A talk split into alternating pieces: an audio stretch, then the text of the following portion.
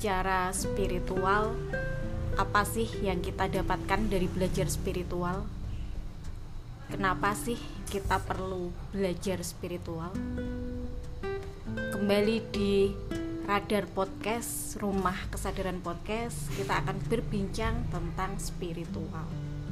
Dengan guru kita, Bang Aswar, tentunya akan menjelaskan panjang sekali ini. Panjang ya, Bang? Uh, paling enggak enggak lah enggak oh panjang. enggak ya oke gimana nih bang uh,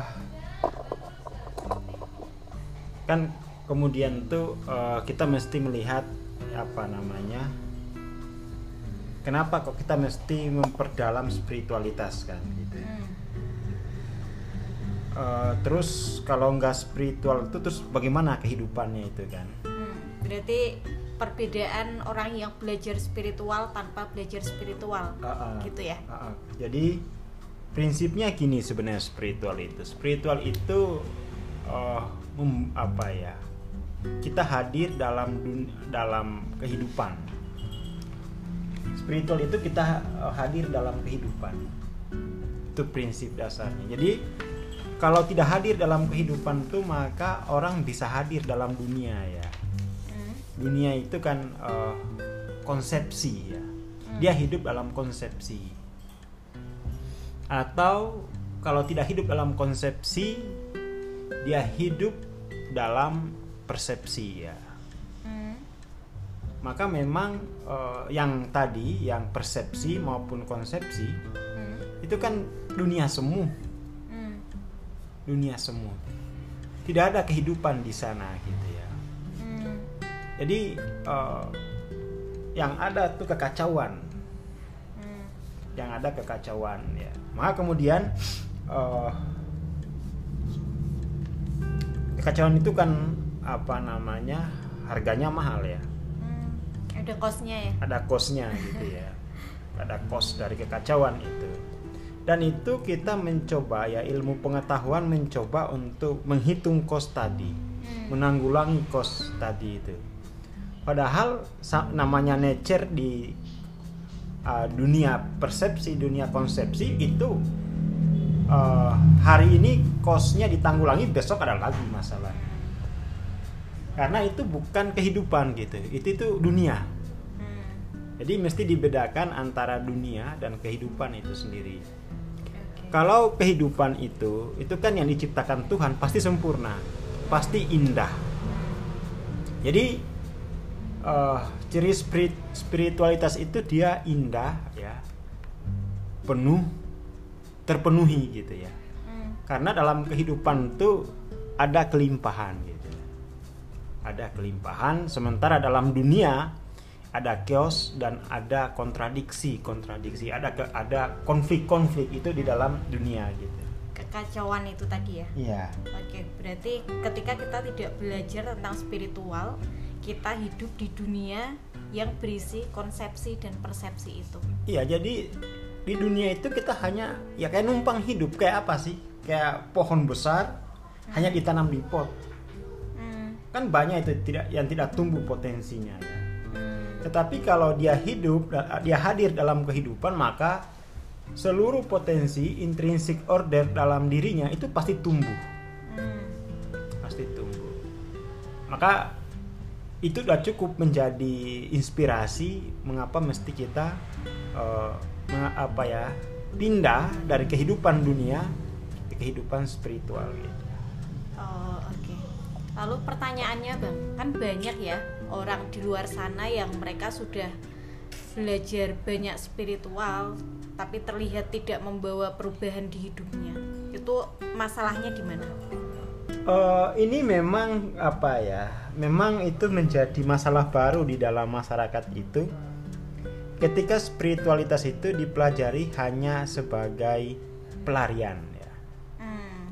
Sebagai pelarian. Artinya gini, uh, sering kali dipromosikan bahwa teknik-teknik spiritual itu bisa mempercepat proses pemenuhan hasrat gitu. Itu kan sering kita dengar begitu. Jadi uh, energi spiritual itu bisa uh, apa namanya mempercepat proses pemenuhan hasrat. Hmm. artinya di situ kan dia hanya menggunakan energi spiritual itu untuk sekedar bertahan hidup di dunia dia tidak benar-benar hidup gitu kan dia tidak benar-benar hidup maka kemudian orang semacam itu dia pasti kecanduan tuh Hmm. kecanduan dengan eh, konsep-konsep spiritual dan itu pada akhirnya yang seharusnya itu dia bisa tumbuh Hmm. malah dia tambah kecanduan gitu ya Karena dia hanya bergantung ya. ada kesalahan definisi tentang spiritualitas itu ya Hmm. spiritualitas itu dianggap sebagai senjata ya ada Hmm. dianggap sebagai senjata untuk memotong kemiskinan gitu ya Hmm. dianggap sebagai pacul untuk mencangkul Kekayaan. kekayaan gitu itu keliru spiritualitas itu adalah kita kembali kepada kehidupan yang benar-benar hidup setelah kemudian itu benar-benar hidup maka tumbuhlah potensi-potensi di dalam diri kita yang itu memang potensi tadi untuk aktual dia membutuhkan proses intelektual ya Hmm. proses intelektual. Dia membutuhkan proses intelektual untuk menjadi eh, karya gitu ya, itu menjadi karya. Jadi, jadi orang yang spiritual itu dia berkarya, Hmm. tidak dia mempersembahkan karya, tidak eh, mendapatkan, tidak ada keinginan untuk mendapatkan, Hmm. tetapi dia terus-menerus mempersembahkan karya untuk kehidupan itu sendiri, untuk dunianya sendiri gitu. Oke, melahirkan karya gitu ya. Iya, dia mengisi dunia. Jadi kalau kita eh, hadir dalam kehidupan dunia ini kita yang isi. Dari mengisi dunia itulah kemudian eh, masyarakat itu menghargai dengan uang, dengan jabatan dan lain-lain. Tapi pada prinsipnya bukan itu. Prinsipnya adalah eh, hadir di masyarakat itu untuk mengisi dunia. Itu kehidupan yang otentik seperti itu ya. Hmm. Jadi bukan sekedar biar dapat mobil, Hmm. ya kan? Semacam itu. Tapi memang dari dalam dirinya itu lahir eh, apa ya sebuah kontribusi gitu ya. Eh, apa ya? eh, ketika orang hadir dalam kehidupan, Hmm. itu kan dia ha- hadir dalam kelimpahan itu. Hmm. Nah, selisih antara dunia batin, dunia spiritual Hmm.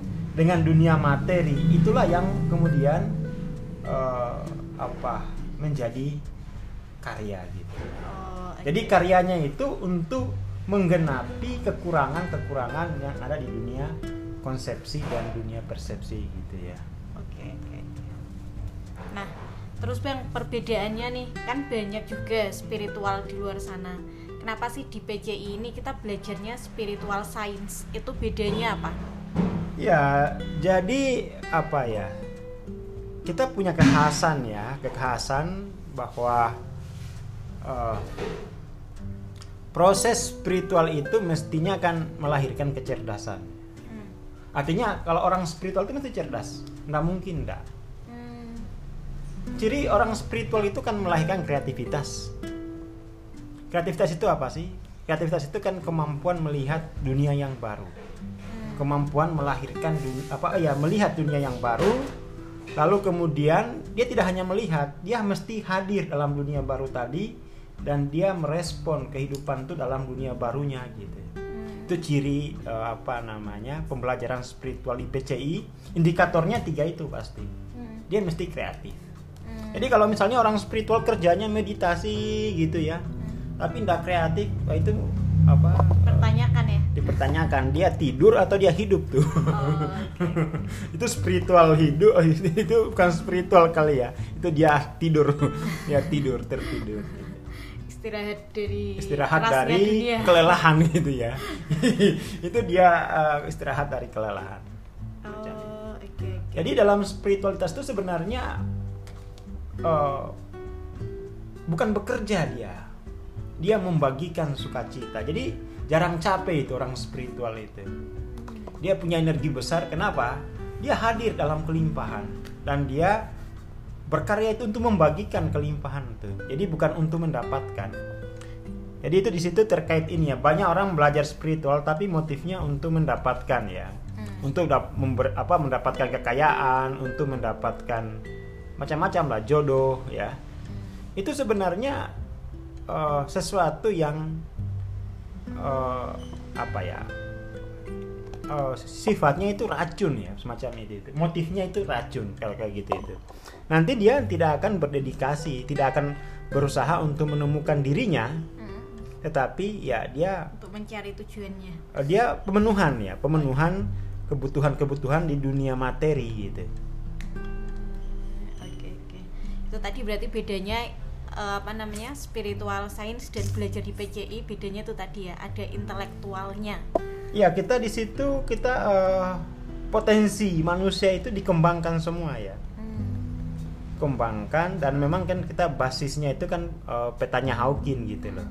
Jadi dia ada bisa apa ya sifatnya itu roadmapnya itu jelas sejak awal gitu. Bukan berarti kita tidak menghormati tem apa ya yang lain gitu. Silakan saja itu kan namanya spiritual itu kan soal kecocokan ya. Hmm. soal kecocokan dan ya kita kan juga ya menyajikannya enaknya itu kan kalau Hawking itu pakai peta ini loh roadmapnya. Jadi tidak akan ke mana-mana gitu. Artinya ya sesuai map itu aja.